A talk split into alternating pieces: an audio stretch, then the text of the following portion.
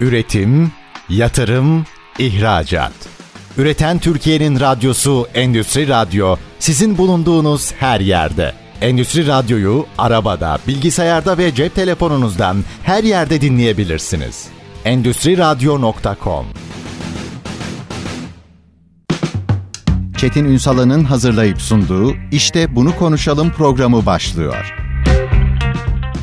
İşte bunu konuşalımdan merhabalar. Türkiye'nin gerçek gündeminde birlikteyiz efendim. Bugün kritik bir konu konuşacağız. Büyük bir afet yaşadık. Daha halen canlarımız acıyor. Her bir kişi kurtulduğunda milletçe hepimiz böyle bir sevince boğuluyoruz. Ama bir tarafta kayıplarımız var, bir tarafta enkazdan çıkanlar var, bir tarafta enkazla hiç ilgisi olmayan ve şehirde bundan sağlıklı olarak kurtulmuş olanlar var. Yani onların yaşam döngüleri devam ettirilmeye çalışılıyor. Bir de şimdi 11 ile çıkarıldı o yüzden 70 diyeceğim. Geri kalan 70 ilin de ortak yaşadığı bir psikoloji var. Bunu konuşacağız. Elbette canlarımızı geri getiremeyiz ve bunun bir daha olmaması için her şeyi yapmalıyız. Ama orada enkazdan çıkanlar ya da o şehirde mağdur olan insanlarımızı tekrar hayata döndürmemiz gerekiyor. Yani onları da yaşayan ölüler haline getirmemeliyiz. Onun ötesinde bizim yine aile olarak onları böyle sımsıkı sarılmamız gerekiyor. Hepimizin psikolojisini düzeltmesi gerekiyor. Bu birkaç yollu olabilir. Aslında bunların hepsini bugün biraz konuşacağız. Toplumda, ailede, iş yerinde şu anda herkes aslında böyle bir donuk bir vaziyette çok normal. Hepimiz öyleyiz. Hani böyle hiçbir şey içimize sindiremiyoruz. Sindirmemeliyiz tamam ama bir şekilde ortadaki bu yaraları sarmak için de ayağa kalkmak zorundayız. Bütün bunları konuşacağız. Herkes bu işin psikolojisini nasıl yönetirim derdi. Şu anda yöneticiler de aslında hepimiz insanız. İş yerlerine gelen bu fabrik olabilir, normal ofis olabilir. Gelen insanlara acaba nasıl davranmalıyım sorusunun yanıtını arıyor. Biz de bugün bunu konuşacağız. Kıymetli bir konumuz var. Endüstri ve örgüt psikoloğu, öğretim görevlisi, BC Consulting kurucusu Banu Koç Çakan bizlerle birlikte. Sayın Çakan hoş geldiniz. Hoş bulduk, teşekkür ederim. Bugün bir paylaşımınız var. Ne kadar doğru bir konu işleyeceğimizi bir kez daha sizin o paylaşımınızdan gördüm. Çok insani bir şey. Hiç e, de bunu yadırgamadım çünkü hepimizde aynı psikoloji var. Birine nasılsın demeye korkuyoruz. Nasılsın dediğimiz kişi yanıt vermeye korkuyor gibi bir psikolojideyiz. Buradan başlayalım mı? Elbette başlayalım. Tabii ben öncelikle e, her programınızda olduğu gibi hepimizin başı sağ olsun e, ve e, geçmiş olsun diliyorum. Var olun. Hepimiz için üzücü bir felaket yaşadık. Bu çok tartışma götürecek bir konu değil. Biraz önce söylediğiniz gibi bunun etkileri bugün değil uzun yıllar devam edecek aslında. Ama bugün nasıl düşünüyorsak, nasıl düşünceler içerisindeysek, hangi duyguların içerisindeysek geleceğin işaretlerini bugünden alacağız. Dolayısıyla bugünkü düşünme tarzı tarzımız, duygularımızı fark etme ve yansıtma tarzımız aslında hem kendimiz için, ailemiz için, çevremiz için ve ülkemiz için çok kıymetli. Kesinlikle. Özellikle iş yaşamının son bir haftasına tabii geçtiğimiz haftaya bakmıyoruz bununla ilgili ama biz kitlenmiştik zaten. O, o bambaşka bir e, duygu durumu ve düşünce durumu içerisindeydik ama bu haftaya baktığımızda da biraz önce söylediğiniz şeyin aynısını aslında görüyoruz. O yüzden o paylaşımımı yaptım. Kendimizden çekiniyoruz. Zaman zaman utanıyoruz. Zaman zaman korkuyoruz, öfkeleniyoruz. Çeşitli duygusal durumların içerisindeyiz. Aslında çok insanız. Evet. Yani evet. Bu, Bütün bunlar bu, onun bu göstergesi. Değil. Bunlar yani utanmak, üzülmek bunlar evet. çok insanız. Evet. Bu bu çok güzel bir durum bütün bu olumsuzlukların içinde. Çok doğru. Bununla birlikte aslında düşünce yapımızda da bir takım değişiklikler var. Çünkü bir taraftan bu duyguları hissederken bir taraftan iş hayatı içerisinde devam etmesi gereken bir hayatın içerisinde devam ettiğimiz için de kendimize öfkeleniyoruz. Hı hı. Ya da başka bir taraftan gündem herhangi bir konuyla ilgili bir soru geldiğinde de nasıl tepki vereceğimizi bilmiyoruz ya da karşı taraftan alacağımız tepkinin farkında değiliz. Dolayısıyla duygular, düşünce düşünceler birbirlerini tetikliyorlar bu dönemin içerisinde. Lakin şunu ısrarla söylemek istiyorum. Biraz önce söylediğim cümleyi tekrar etmek istiyorum. Bugünkü duygu düşüncelerimizi algılayış ve yönetiş tarzımız yakın gelecek ve uzak gelecek için psikolojik sağlığımızı, başarımızı ve mutluluğumuzu ve insanları çok etkileyecek. Biraz bunun gerekçelerini açabilir misiniz bize?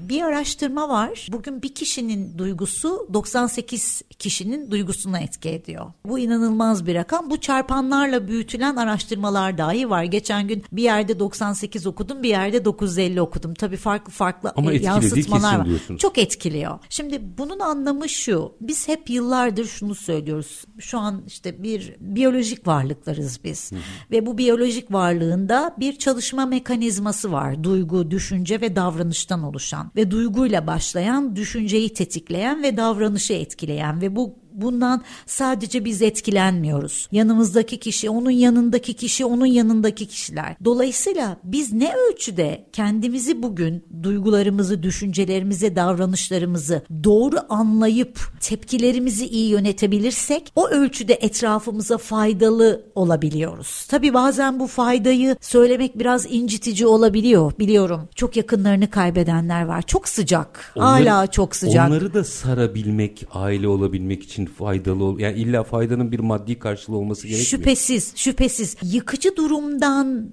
yıkıcı durumu esnek bir şekilde kullanıp aslında o kapsayıcılığa gelmek bizim söylediğimiz. Yani iyilik, mutluluk hali değil esnek olabilme, duyguyu da kapsayabilme hali. Dolayısıyla bugün bu durumumuz aslında geleceğe de etki edecek. Çünkü bütün araştırmalar şunu gösteriyor. Özellikle afet sonrasında tabii referans aldığımız memleketimizdeki afet 1999 Gölcük depremi. Gölcük depremi sonrasında afet sonrası psikolojiyle ilgili birçok çalışma yapılıyor, araştırma yapılıyor ve orada hayata dönüş konusu konuşuluyor. Yani kimler hayatla tekrar bağ kurabiliyor? Kimler neler esnek olabiliyor diye çok tipik bir sonuç çıkıyor orada. Eğer yaptığı işi, yaşadığı hayatı anlamlı bir noktaya bağlayabilme becerisine sahipsen o zaman buradaki dönemi daha iyi atlatabiliyorsun. Güzel. Bunun formülü var mı? Bunun formülü şu aslında bütün iş yerlerine yavaş yavaş bunları anlatmaya başladık. Şöyle ki ilk haftada ilk hafta durduk ama bu haftadan itibaren aslında şu anda önümüzdeki 3-4 hafta biraz birbirimizi dinleme, karşımızdaki kişinin ne hissettiğini anlama ve duygularını dışarı çıkarmasına müsaade etme zamanı. Hmm, bastırmadan. Bastırmadan ama hayatı da durdurmadan. Biz bunu aslında yani psikolojik terimde literatürde buna psikolojik ilk yardım deniyor. Psiko psikolojik ilk yardım sadece psikologların, psikiyatrların yapacağı bir şey değil. Herkesin yapacağı bir şey. Sizin, e, bir akademisyenin, bir hemşirenin, herkesin yapacağı, yapmakla sorumlu olduğu bir durum. Dolayısıyla 98 diyorsunuz. Yani insan insanı iyileştirir de kötüleştirir Kesinlikle de. böyle. Dolayısıyla bu dönem bu izleme sürecini ve birbirimizin duygularını ortaya çıkarmasına vesile olma, ola alan yaratma süreci. O yüzden bu dönemde yapılan çokça duyacağız bu noktadan sonra işte çevrim içi içi webinarlar, yüz yüze yapılacak toplantılar, duygumuzu anlamak. Bakın daha yönetime geçmedim o içimizde bastırılmış, içimizde hissettiğimiz o acı dediğimiz taraf var. Onu anlatacağımız alanlar yaratmak. Program öncesinde çok güzel bir şey söylediniz. Dediniz ki biz işe devam etmek zorundayız çünkü bu memleketi de ayağa kaldırmak da zorundayız. Buna kesinlikle katılıyorum. İşte yaklaşımımızı aslında biraz böyle yapmak lazım. Yaşadığımız duygu durumunu da fark ederek o duyguyla da aslında o duyguyu da alarak o esneklikle de bu tarafı da güçlendirmek. Yani şu an böyle terazi noktasındayız. Dolayısıyla ilk aşama bunun ilk aşaması hani nasıl yapacağız dediniz ya o anlamlı ve daha çabuk esnek olabilecek hayatı ilk aşamada duygularımızı anlatmak ve karşı tarafta empati kurmak, karşı tarafla empati kurmak. Çünkü şu an hepimiz kimliğimizi kaybettik anlamsızlaştı hayat bir anda bizim için. Yani sizin öyle değil mi yani? Evet, biz evet. sabah kalk yani o sabah uyandığımızda bir dakika demiş olabilirsiniz ya. Ne yapıyoruz biz bu hayatta? Bu soruyu herkes sordu. Dolayısıyla o canları kaybettik ama kendimizi kaybettik.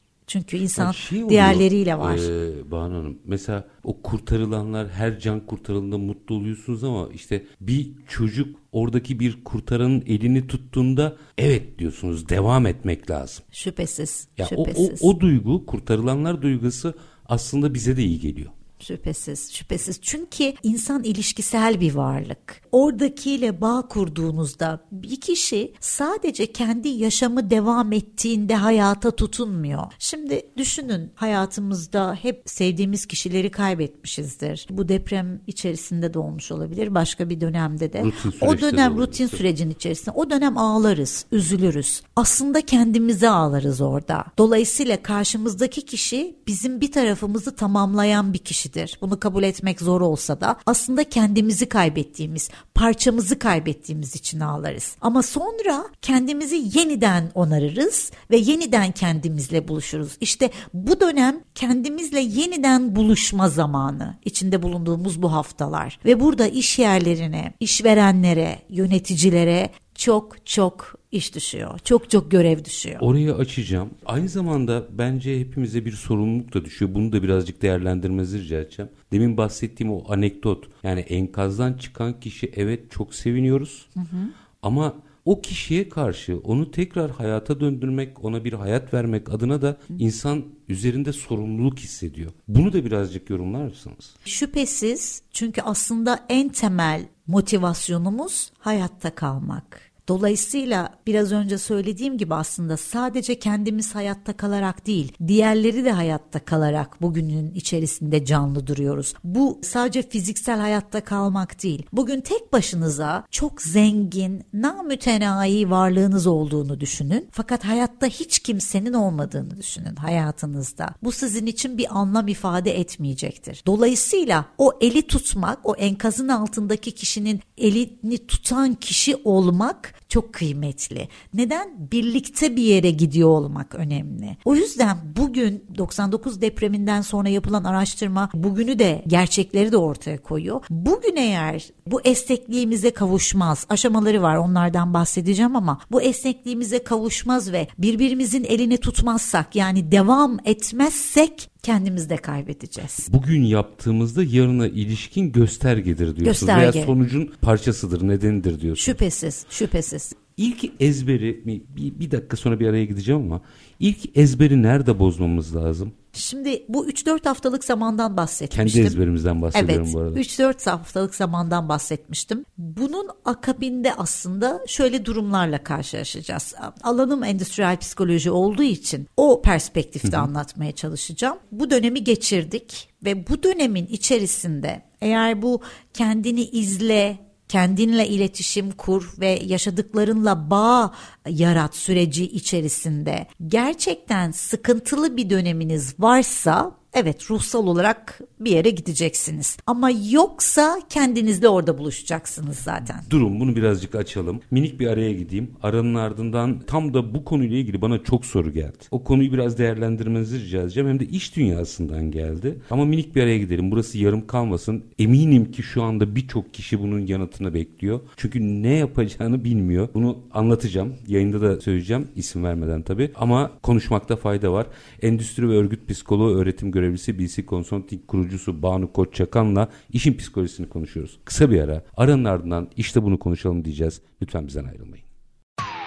Üretim, yatırım, ihracat. Üreten Türkiye'nin radyosu Endüstri Radyo sizin bulunduğunuz her yerde. Endüstri Radyo'yu arabada, bilgisayarda ve cep telefonunuzdan her yerde dinleyebilirsiniz. Endüstri Radyo.com Kısa bir aranın ardından de bunu konuşalım da birlikteyiz. Konuğumuz endüstri ve örgüt psikoloğu öğretim görevlisi BC Consulting kurucusu Banu Koç Çakan. Bütün bu yaşananların psikolojik yönetimini konuşuyoruz. Şimdi Sayın Çakan bu hafta ilk haftayı geçtim. İlk hafta zaten hepimiz ama kurtarılsın ama nasıl oraya uzanabiliriz, ne yapabiliriz durduğumuz yerden bunları konuştuk. Üzüldük, sevindik vesaire. Şimdi ikinci haftaya döndükten sonra birçok farklı sektörden, farklı kademedeki arkadaşımla sohbet ettik. Bunların birçoğu bulundukları konumda şeyde işletmelerde yöneticiler. Bazıları firma sahibi. Herkes şu sorunun yanıtını arıyor. Çünkü kendisinin de psikolojisi çok farklı değil bu arada. Yani aa bak işte bırakmış da işi düşünüyor falan değil. Şimdi personel diyor bir şekilde zaten yani ilk hafta hepimiz koşturduk diyor. Yani geldi diyor. Evet aşağı yukarı hepimiz bir yerdeyiz ama ben oranın lideri olarak orayı bir yönetmem gerekiyor. Orayı toparlamam gerekiyor. Sadece işte değil iş tamam devam etsin. Biraz da benim arkadaşlarım onlar onların motivasyonunu toparlamam gerek. Ve çoğu hep aynı şeyi sordu. Ne yapacağımı tam kestiremiyorum. Çok nazik bir durum. Daha kötüsü benle hiç alakası olmasa belki daha net düşünebileceğim ve yöneteceğim. Ama ben de onlardan çok farklı durumda değilim diyor. O yüzden dedim ki Banu Koçyakan gel lütfen bunu konuşalım. Ne yapacaklar? Tüm bu süreç nasıl yönetiliyor? Çok telaşlı bir dönem dönemin ve çok tedirgin bir dönemin içerisindeyiz. Öncelikle şuradan başlayalım. Bu süreç içinde yaşadığımız bu süreç yani bu deprem felaketi bir afet durumu aslında beklenmedik ve aslında sizin en temel ihtiyacınızı elinizin altından alan bir durum. Şok. Yani ve biz buna psikolojik şok dönemi diyoruz. Ha, ben hiç onu söylemedim ama gayri Evet. ihtiyaç söyledim. Adı da bu mu? dönüyoruz. Psikolojik Evet. şok dönemi. Psikolojik şok dönemi diyoruz. Yani işte ihtiyaçlar hiyerarşisini hepimiz biliriz. En temel ihtiyacımız aslında biliyorsunuz temel ihtiyacımız yeme içme ve barınmadır. Ve bu temel olarak aslında birilerinin elinden alındı afet dolayısıyla deprem felaketi dolayısıyla ve ihtimalen bu benim de başıma gelebilir kaygısı yaşıyor da diğerleri. Şimdi dolayısıyla bu bir psikolojik şok. En temel ihtiyaçların elinden alındığı ayıp durum. değil bu. Hiç ayıp değil. Bunun altını Şimdi de. bu geçtiğimiz bir hafta iki hafta içerisinde ve önümüzdeki bir iki hafta içerisinde aslında hani der ya akıl bari düşünecek durumda değiliz. Hala bu şokun içerisindeyiz. Aslında şu anda o gördük ya deprem çalışmaları esnasında işte çocuğunu deprem enkazın altında bırakıp çıkan Bir işte o bir sürü şey travmatik durumlar. Aslında şu anda biz bunların onların içerisinde uzakta olanlar için söylüyorum olmasak bile benzer travmaları yaşıyoruz zihnimizde. Dolayısıyla bahsetmiş olduğunuz kişileri hele hele de hem kendisi bu şokun içerisinde hem de bununla ilgili yönetmesi, devam ettirmesi gereken bir yaşam olan kişilere bir kere öncelikle şunu söylemek istiyorum. İçinde bulunduğumuz durum normal bir zaman dilimi değil. Dolayısıyla bu dönemin içerisinde anormal zaman diliminin içerisinde normal davranmak zaten anormalliğin kendisidir. Dolayısıyla bu dönemdeki tepkiler, bu dönemdeki içe kapanmalar, bu dönemdeki hiçbir şeyi aslında çok da fazla anormal bulmamak lazım. Çünkü bu dönemin normali bu. Ne zamana kadar? Biraz önce söylediğim gibi bu 3 ya da 4 haftalık zaman. Yani bu aslında bizim beynimizin işleyişiyle ilgili. Yani ilk programımızın başlangıcında dedim ya biyolojik varlıklarız dedim. Beynimizin işleyişi ve düşüncelerin yerli yerine oturulmasıyla birlikte aslında bu 3-4 hafta sonra biz yüzleşme dönemine geçiyoruz. Yani o şoktan çıkıyoruz ve o zaman aslında şuraya geçiyoruz. Bir dakika ben bunu yaşadım. Bunu yaşamamak için bir daha ne yapabilirim diye yavaş yavaş bugünle bağlantı kurmaya başlıyoruz. İşte iş hayatının o uyanması gereken yer burası olacak. Bu 2-3 haftalık zamanı, 3-4 haftalık zamanı biraz daha ekiplerinin duygularını paylaşacağı yani bir günü düşünün. Şöyle somut örnek vereyim. Bir günün içerisinde mutlaka kişilerin kendi duygularını paylaşacakları, düşüncelerini paylaşacakları ortamlar yaratmaları gerekiyor. Pandemiyi hatırlayın. Pandemide uzaktan da olsa neredeyse bütün diyeyim, bütün değil ama neredeyse bütün firmalar çalışanlarını uzaktan da olsa durumla ilgili bilgilendirdiler. Şu anda aynı durumdayız. Dolayısıyla bir, bu dönemin içerisinde mutlaka ekipleriyle bu paylaşım toplantılarını yapmalılar. Her gün demiyorum. Ekipler, küçük ekipler mutlaka birbirleriyle temas edecekler ama tepe yöneticiler ya da işverenler ya da çalışanlar, 200 ekip liderleri çalıştığı bir yer. Yani Evet. holding de demeyeyim. 200 kişinin çalıştığı bir çok yerde. daha kolay işi. Çok daha Biraz kolay açalım. işi. Neden işi kolay? Çünkü bütün ihtiyacımız olan şey bu aşamada kendi duygularımı anlamak ve karşımdaki duygularını anlayıp bunu ifade etmek. Bu 3-4 hafta bunun için bize yeterli. Sonra aslında bunları yönetmeye geçeceğiz. Yani neden yönetmeye geçeceğiz? Tamam yaşadık biz bunu. Hayattayız. Önümüzde yaşam var. Yani bilinçli zihin daha çok devreye girecek. O 3-4 hafta da o yüzden lazım zaten. O zaman da insanları yavaş yavaş hayata bağlarken en kritik kısım yaptığı işle kendi düşünceleri, duyguları ve hayatı arasında anlam yaratmak. Biraz örnekleyebilir miyiz bunu? Mesela sizin işinizden örnekleyelim. Benzer duygu durumlarını hepimiz yaşadık. Bir radyo programı yapıyorsunuz ve sizin vesilenizle birçok insan birçok konuda bilgi sahibi oluyor, fikir sahibi oluyor. Yaptığınız iş sadece bu mikrofonlardan bir konuyu işlemek değil. Söylediğiniz bir sözle birinin iş yerindeki yanlışlarını düzeltmesine vesile oluyorsunuz. Öğrenmediği bir şeye vesile oluyorsunuz. Yani bu kapıdan girdiğiniz her gün aslında sadece bunu yapmıyorsunuz. Bir insana katkı sağlıyorsunuz. Bütün araştırmalar şunu gösteriyor. İnsanın yaşamdaki varlığını güçlendiren en önemli şey başkalarına sunduğu katkıdır. Yani kendinden daha büyük bir şeye hizmet ettiğini anladıkça O zaman insan daha güçlü olmak zorundadır. Bu şunun gibi. Ormanda yürüyorsunuz. Diyelim bir gezintiye çıktınız. Hı-hı. Tek başınıza olduğunuzda işte vahşi bir hayvan gördüğünüzde kaçarsınız değil mi? Ama yanınızda çocuğunuz olsa ne yaparsınız? Önüne geçersiniz. Onu önüne geçersiniz. Dolayısıyla aslında başkalarına katkı sağlamak insanların en temel içgüdüsü. Dolayısıyla yöneticiler, işverenler şunu yapacak. Bu dönemin içerisinde, bu 2-3 haftalık dönemin içerisinde paylaşım, sonraki dönemin içerisinde de bunu yavaş yavaş azaltarak yaptığı işi onlarla bağ kuracak vaziyete getirmek. Biz hep bu tarz durumları aslında bu bir fırsat değil tabii yani depremi bir fırsat olarak değerlendirmek açısından söylemiyorum ama bu tarz ders kriz ders almak, bu tarz krizlerin aslında iş hayatındaki anlamı yaratmak açısından açısından da ne kadar önemli olduğunu görüyoruz. Dolayısıyla bunu yapabilenler hani ne yapacağız? Bunu yapacaksın. Çalışan arkadaşlarınla bu bağı kurmayı sağlayacaksın ve bunun üçüncü dönemi geliyor normale dönüş. Hı hı. Normale döndükten sonra hadi daha iyi ne yapabiliriz noktasına geçebileceğiz. Ama bu böyle bugünden yarına olan şeyler değil. Bir 6 aylık bir geçiş dönemi. Keskin hatları yok anladığım kadarıyla. Yok birbiri içerisine geçiş ama şunu söyleyebilirim. Çok konuştuk programlarımızda. Bu dönem dönemde yöneticilerin kendi duygularını anlama, karşısındaki ekiplerinin duygularını anlama ve bunu yönetme konusunda becerilere ihtiyacı olacak. Şu an en temel nokta bu ve bu da her zaman söylediğimiz gibi duygusal zeka becerilerinden geçiyor. Biraz açar mısınız? Çünkü şu anda herkesin algısı açıkken o duygusal zeka becerilerini biraz hatırlatın ne olur bize. Memnuniyetle hatırlatayım. Aslında duygusal zeka dediğimiz şey bugün kendimizi, hissettiğimizi, düşünce şeklimizi ve davranışlarımızın nedenini anlamak, karşımızdaki kişiyi anlamak ve ilişkiyi her iki taraf içinde yapıcı olarak devam ettirebilme becerisi empati giriyor işin içerisine, zorluklarla mücadele giriyor ve olumlu bakabilme becerisi giriyor. Bugün en çok ihtiyacımız olan şey duygusal esneklik ve psikolojik sağlamlık olacak. İş bilgisi her zaman öğreniliyor ama en kolay olmayanı diyeyim, zoru demeyeyim, en kolay olmayanı insanın kendi duygu düşüncelerini yönetmesi ve bunu karşı tarafa olumlu olarak yansıtabilmesi. Çünkü bütün araştırmalar şunu söylüyor. Karşı tarafta olumlu ve umut yaratan bir ilişki yaratabiliyorsan o zaman karşı tarafla ilişkini de kuvvetlendiriyorsun. Ve onun da bu işe olan motivasyonunu arttırıyorsun. Bunu iyi niyetle ve samimiyetle yapmak da önemli bir duygusal zeka yetkinliği sanki kriter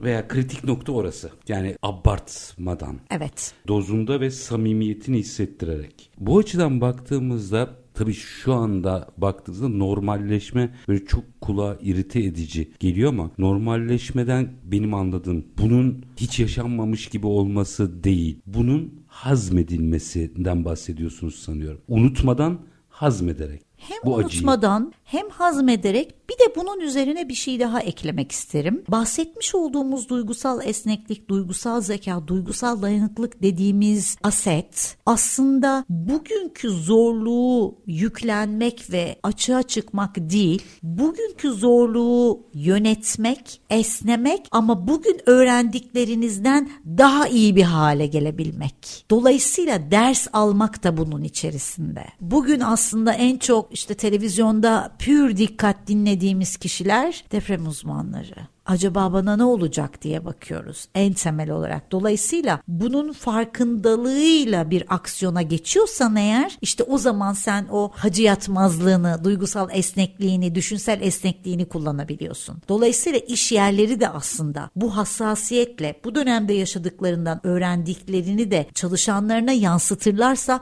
işte o zaman yani iş dünyasının başarısından, gücünden bahsederiz. Hı hı. Ki buna çok ihtiyacımız var. Önümüzdeki süreçte daha da ihtiyacımız olacak. Burada bir noktayı daha açmanızı rica edeceğim. Bu işin psikolojik tarafı. Bir de mesela bunu zaman zaman 2-3 gündür paylaşıyorum. İDEMA'nın sağlam kobi araştırması bence yani bütün endüstride okutulması gereken bir araştırma. Bundan 3-4 3 ya da 3,5 yıl önce galiba şey yapsa hala da yenileniyor. Orada çok ciddi bir mesela hazırlık ve bilinç eksikliği olduğunu gördük. Bütün bunları yaşarken aynı zamanda endüstrilerin bir kendilerine ait o içlerinde olası bir afet durumunda neler yapılabileceğine ilişkin de eğitimler ve benzeri gündeme getirmesi gerekmiyor mu? Tatbikatlar, eğitimler vesaire. Şüphesiz aslında işin bilim tarafı, ilim ve bilim tarafı ve bunun uygulanıyor olma tarafı şüphesiz çok doğru. Biz bugün sadece işin psikolojisi tarafından baktık, uzmanlık alanım tarafından baktık ama endüstri psikolojisinin önemli bir yeri de aslında çalışana doğru iş alanları ve doğru iş yerleri hazırlama sorumluluğudur. Oraya da bakar. Yani doğru bir mekanda mısın? İş yeri düzenin doğru mu? Doğru elemanı mı tercih ettin ve doğru işe mi oturttun? Dolayısıyla bu aslında bir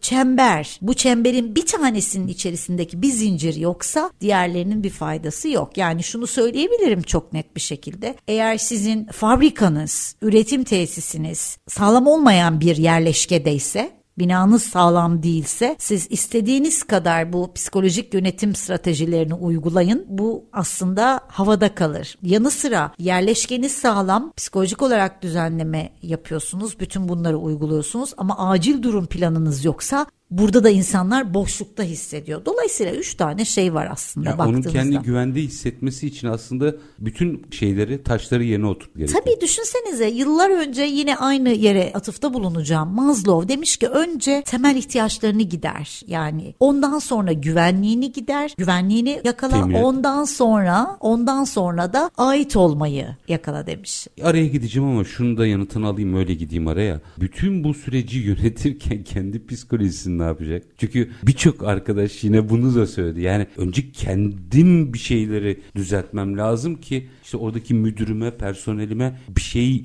verebileyim. Orada ne yapması gerekiyor? Yönetici ne yapacak? Yönetici diyoruz ama hepimiz insanız Tabii, tabii. aslında Ama orada bir baktığımızda. sorumluluk var bir ya. sorumluluk var. Burada şunu çok hani net bir şekilde söyleyebilirim. En büyük problem aslında yöneticinin o ceketi giyerken yönetici kimliğiyle karşı tarafa geçmesi. Bunu kısmen engelleyebilirsek yani bugün Banu ve Çetin olarak aslında karşı karşıyayız. Elbette hayatımızda bir takım kimliklerimiz var ama bugün ben duygu durumumu öfkelenebilirim, üzülebilirim, psikolojim bozulabilir. Saklayarak size bir şey yansıtmaya çalışıyorsam zaten o zaman sizinle ilgili yapıcı bir noktaya gidemeyeceğim. Neden? Çünkü aslında duygularımızı ifade etmemize gerek yok. İşte mimiklerimizden belli ediyoruz. Karşı tarafa mimikleriniz zaten geçer. Geçmese de aslında duygu durumunuz karşı tarafa aktarır. Yani şunu mu anlamalıyım? Saklamayın. Saklamayın. Onu sizin de yaşadığınızı hissettirin. Şüphesiz bunu söylüyorum. Bununla birlikte de kişisel yönetim stratejileri de öğrenin. Bu aslında duyguların yönetimi bir bilimdir. Ana çerçeve duygu zekası, duygusal zekadır. Her yöneticinin mutlaka üzerinde çalışması ve bilmesi gereken bir şeydir. Duygusal yönetim stratejileri. Zor zamanlarda kendilerini nasıl yönetecek? Üzüntülerini nasıl yönetecekler? Öfkelerini yönetme stratejileri var mı? Bütün bunlar kaslarımız ama biz bu kaslarımızı çalıştırmıyoruz. Onun da galiba dozu var. Yani poker surat da olmaya gerek yok. Dozu var. Hiçbir zaman poker surat olmak istemiyoruz. Aksine bütün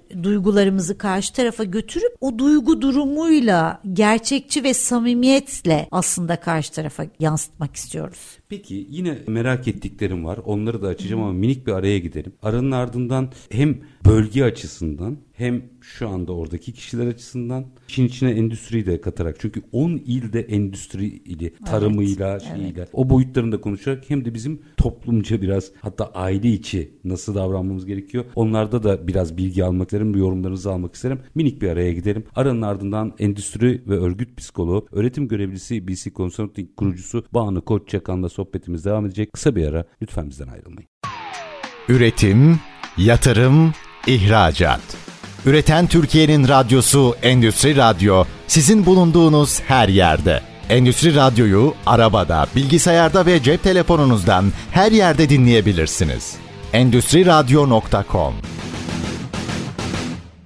Kısa bir aranın ardından de bunu konuşalım da birlikteyiz. Konuğumuz endüstri ve örgüt psikoloğu, öğretim görevlisi, BC Consult kurucusu Banu Koççakan. Şimdi Sayın Çakan, bence altın değerinde hap bilgiler verdiniz. Şimdi biraz daha zor bir alana gireceğim. Bölge 10 ilimize de 11 ilimize de baksanız her biri kendine özel yerler. Memleketimizin her tarafı özel ama o iller tarımından sanayisine kadar üretimin konuşulduğu üreten iller. Katkı sağlayan yapıları var.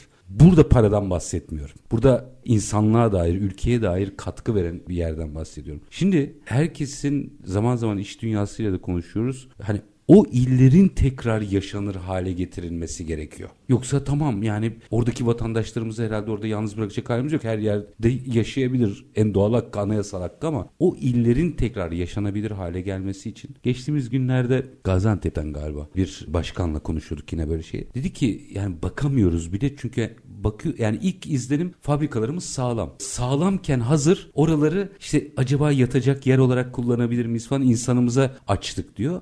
Sonra bakacağız. Ama insanımız buradan göçerse ne yapacağız onu bilmiyorum diyor. Bakın bir tık sonrası. Bütün bu süreci o şehirleri tekrar yaşanır hale getirebilmek adına hayalet şehirler olmaması için hepsi güzide noktalarımız. Ne yapmamız? Oradaki iş insanlarının veya bir tık altı da ineceğim. Yani normal insanın da psikolojisini düzeltmek için bizim nasıl davranmamız gerekiyor? Onlardan bahsetmiyorum. Onlar şu anda zaten acısını yaşıyor. Bizim ne yapmamız gerekiyor? Bir kişinin, bir grubun gücünü tekrar kazanabilmesi için karşısında kurtarıcı kimliğini görmemesi gerekiyor. Önemli. Eğer siz afet yaşayan bölgeye güçsüz, çaresiz, umutsuz duygularını yansıtırsanız o zaman onlar da kendilerini daha güçlü, çare bulabilecekleri ve umut yaratabilecekleri alanlara taşıyorlar. Mümkün mü? Oraların adı Gazi, Antep, Kahraman, Maraş, İstiklal Savaşımızdan düşünün. En zor zamanların bile ayağa kalkan illeri bunlar. Evet siz bunu söylerken görüyorum. Yani dilin yani sesiniz de titriyor ve yüzünüzün etkisini de görüyorum. Bizim de Kadın Girişimciler Derneği olarak Antep'te, Hatay'da, Maraş'ta kayıplarımız da oldu. Ama oralardaki üretimi, oralardaki insanı, oralardaki o aslında başarıyı, kapsamayı çok iyi biliyorum. Oraları tekrar güçlendirmek aslında şundan geçiyor. Evet siz burada fiziksel, ekonomik, sosyal olarak büyük kayıplar yaşadınız ama biz bütün ülkece, biz bütün ülkece birlikteyiz. Sizi kurtaracağız değil Burada önemli bir detay var. Sizi kurtaracağız değil. Biz sizin yanınızdayız. Paylaşıyoruz ve birlikteyiz ve güçlüyüz duygusunu vermek ve bir an önce ve bir an önce oraların yeniden yaşanır hale getirmek gerekiyor. Dolayısıyla endüstri psikolojisi açısından baktığımızda evet bir belli bir dönem zor bir süreç geçecek ama oraya işte yatırımların, desteklerin, oranın halkının oradan tekrar kazanıyor ve tekrar şahlanıyor olmasını sağlamak için yapmamız gereken şey orayı güçlendirmek. Ama onları zayıf halleriyle buluşturmak değil. Siz güçlüsünüz diyerek güçlendirmek. E, bununla ilgili enteresan örnekler yaşandı. Mesela benim çok hoşuma gitti afet yaşanmış. Oradaki bir firmanın ihracat yani siparişi var. Hemen komşu illerdeki fabrikalar onlar adına üretim yapıp çok güzel bir şey. Çok güzel bir şey. Çok güzel bir şey. Diyor ki ben senin adını üretirim. Önemli evet, değil diyor. Evet. Tam da söylemek istediğim bu aslında. Siz güçlüsünüz. Şu an sadece paylaşıyoruz ve birlikteyiz. Bundan sonra zaten siz devam edeceksiniz. Dolayısıyla o bölgelerin tekrar yeniden ayağa kalkması için psikolojik, ekonomik olarak güçlerinin yeniden farkında olmaya ihtiyaçları var. O yüzden bizim süreçlerimiz, psikolojik ve endüstriyel yaklaşımımız çok önemli oralara. Kesinlikle katılıyorum size. Yani Kahramanmaraş, Gaziantep e, yani isimlerimle aslında müsemma dolayısıyla. Ben inanıyorum o bölgenin insanının da çok güzel olduğunu evet. biliyorum. Evet. Dolayısıyla hani içim, içim çok ferah o konuda. Hepimiz gördük yani bireysel olarak tanıyoruz ama ekranlarda da gördük o insanların yüce gönüllülüğünü. Dolayısıyla memleketimiz bunu başaracak inşallah. Ben ona inanıyorum evet. ve şuna da çok inanıyorum. Bilime sarıldıkça, ilimle gittikçe ve gerçekten niyetle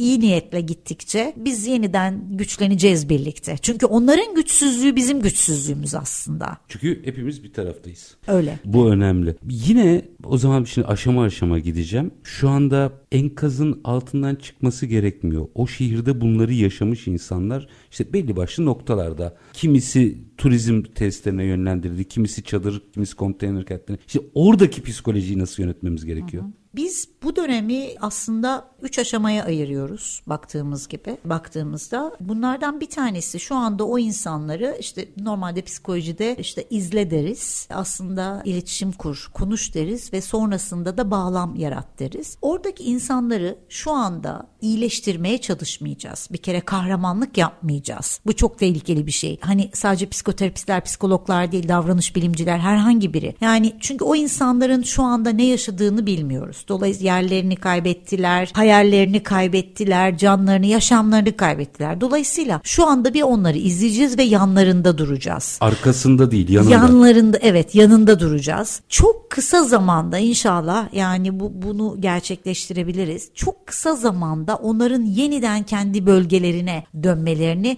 ve yeniden kendi aşlarını kaynatmalarını sağlamak gerekiyor. O zaman onların kendi gücünü, hep kendi gücünü kuvvetlendirmek gerekiyor. Ama bu dönem içerisinde işte otellerde yaşayan, farklı evlerde yaşayan, işte yurtlarda yaşayan kişilere mutlaka ve mutlaka bu dönemde bu bir yıllık sürede burası da çok kritik. Hani otur bekle senin yurdun yapılsın, yerin yurdun yapılsın oraya geç değil. Bu dönem içerisinde de onları üretime katmak lazım. Hayata katmak lazım. Kesinlikle.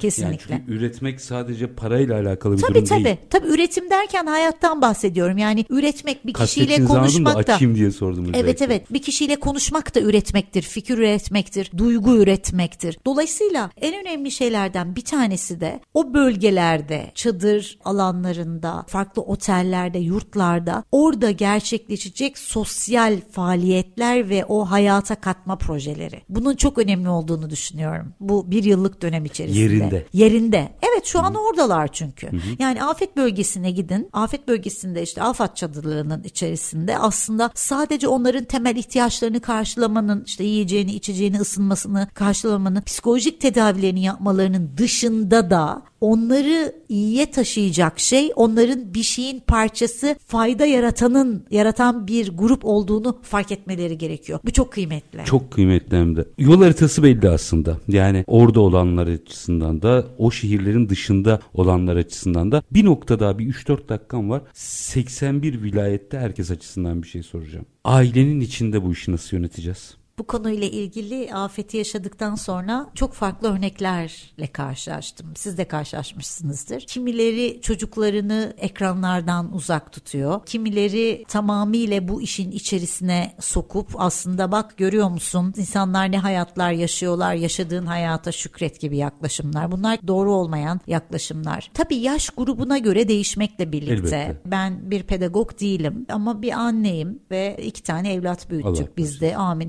hepimizinkini. Bu sürecin içerisinde yaş gruplarına göre değişmekle birlikte her grubun bunu anlayış şekliyle bu olayı öğrenmesi gerekiyor. Yani çocukların da bunu algılayış Kendi bilinç düzeyi bilinç kadar. düzeyinde. Doğru mu? Tabii ki Doğru bilinç anladım, düzeyinde ve bilinç düzeyi dilinde öğrenmesi gerekiyor. Hele hele de biraz daha ergenlik ve üzeri seviyelerde öğrenmenin ötesinde de sorumluluk alması gerekiyor. Ki o çocukların hepsi o toplanma noktalarına gittiler. Hepimizin çocukları gitti. Yani hep bir şekilde bu bu güzel bir şey galiba. Çok güzel bir şey çünkü bu şununla ilgili değil ya yarın öbür gün senin de başına gelir bak böyle Yok, bir böyle bir şeyi düşünmedi ama şu önemli bir şey ortada bir durum varsa bu bir afet olması gerekmiyor yani yolda işte gördüğün bir desteğe ihtiyaç olan biri de olabilir. Bu çok vicdani ve çok insani bir şey. O zaman onun derdini de dert edinmek ve elinden geldiğini yapmak insanı yüceleştiren bir durum. Asıl üretici insan bu değil mi? bu bu Yani bir katkı sağlama duygusu. Dolayısıyla Kapamayın ailelerin diyorsunuz çocuklara. kesinlikle kapamayın. Ailelerin içerisinde, ülkemizin içerisinde bulunduğu durum, gücümüz, kuvvetimiz bunu da unutmamak lazım. Yani o o güç, kuvvet ve varlığımızı da çocuklara fark ettirmek lazım ki gerçekten öyleyiz aslında. Bunu yaptıktan sonra da çocukların da bunun bir parçası olması çok kıymetli. Bu dönemde galiba doğru mesajlar çok yerine gidiyor. Mesela ben İstanbul 3 birbirine ezeli rakibi 3 kulübün taraftarıyla yöneticisiyle bir arada mesela o bölgeye elini uzatmasını çok önemsedim. Bu 3 farklı şirket olsa o kadar önemli olmuyor. Değerli ama bu kadar önemli. Neredeyse çünkü üçünün toplamını 70 milyona vurabilirsiniz. Bu bu tip hareketler önemli galiba değil mi? Çünkü bizi özde birleştiriyor. Yani insani değerlerde birleştiriyor. En çok ihtiyacımız olan şeyler. Bütünleşmek. Güzel bir milletiz. Evet. Çok güzel Bunu bir bir milletiz. kez daha Ben burası çok güzel bir Anadolu Evet, olduğunu bir kez daha evet, kanıtladı. Anadolu çok güzel. Yani ben televizyondaki görüntüleri izlerken duygularımızdan bahsettik. Gözlerimin yanlarından yaşlar akarken aynı zamanda çok da bir tarafımda ne kadar şükrediyordu ve gurur duyuyordu. Böyle bir milletiz. Dolayısıyla evet futbol önemli. Ülkemizin dört bir tarafında aslında birleştirici etkiydi. Farklı renkleriz ama çok güzeliz birlikte. Bütün bunlardan sonra yaklaşık böyle bir dakika, bir buçuk dakika var ama bütün bunlardan sonra baktığımızda bizim endüstri açısından bir şey soracağım. Son sorum öyle olacak. İlla bir afet yaşanması gerekmiyor. Bizim yarına ilişkin birbirimizle ilişki kurarken ast üst ilişkisi olabilir bu. Eşit koşulların ilişkisi olabilir. Birlikte iş yapma kültürü olabilir. Alta açabilirim bir sürü başlık. Artık neleri tekrar hatırlayıp bunları sürdürülebilir hale nasıl getiririz? Bu sorunuza sondan başlayarak cevap vermek istiyorum. Yapılacak çok şey var ama galiba afetlerin, doğal felaketlerin bize öğrettiği bir şey var. Miş gibi yapmanın bize hiçbir faydası yok. İster endüstri olsun, ister aile içinde olsun. Bu organizasyonların içerisinde gerçekleri kabul etmek, durumu anlamak ve durumu bilimle yönetmek bu ne olursa olsun aslında bizim en çok ihtiyacımız olan şey. Endüstriye ve iş hayatına getirecek olursak elbette kazanç elde etmek isteyen, canlı kalmak isteyen, hayatta kalmak isteyen ve daha çok kazanmak isteyen kurumlar olduğunu biliyoruz. Bu aslında endüstrinin ana yapısı bu. Fakat buraya giderken ne kadar doğru gidiyorsun? Ne kadar yaptıklarınla söylediklerin tutarlı? Buraya bakmak önemli. İnanın yeni jenerasyona ben her zaman söylüyorum bugünkü konumuz içerisinde değildi ama yeni jenerasyona çok güveniyorum. Afette de aslında gördük onların ne kadar çabaladığını. E, Her birini alnından öpüyorum, kucaklıyorum. Yeni jenerasyonla birlikte aslında daha samimi, daha ortak hedeflere giden ve aslında daha bilimle ilerleyecek bir iş dünyası hayalim var. Yüreğinize sağlık. Çok çok teşekkür ediyorum. Çok kıymetli şeyler anlattınız bugün ve bence hani çevreden de biliyorum çok kişinin aslında dinlemek istediği veya aklındaki soruların yanıtını verdiniz. Artık biz paylaştık. Herkes kendi damıtsın, kendi notlarını kendine çıkarsın. Endüstri ve örgüt psikoloğu öğretim görevlisi BC Consulting kurucusu Banu Koççakan çok teşekkür ediyorum. Ben teşekkür ederim. Var olun. Efendim biz bugün hem bugünü hem sonrasını konuştuk aslında. Çünkü herkesin gündeminde birbirine itiraf etse de etmese de bu konu var. İki arkadaş bu ins normal öğrenci de olsa, iş insanı da olsa, işçi işveren de olsa bir araya gelip bunu konuşuyorlar. Konuşamayanlar da soruyorlar. Ben de tabii ki bu konuyla ilgili bir uzmanlığım yok. Uzmanı sizlerle buluşturdum. Sayın Çakan'a çok teşekkür ediyoruz. Her zamanki gibi bitirelim. İşinizi konuşun, işinizle konuşun. Sonra gelin işte bunu konuşalım. Hoşçakalın efendim.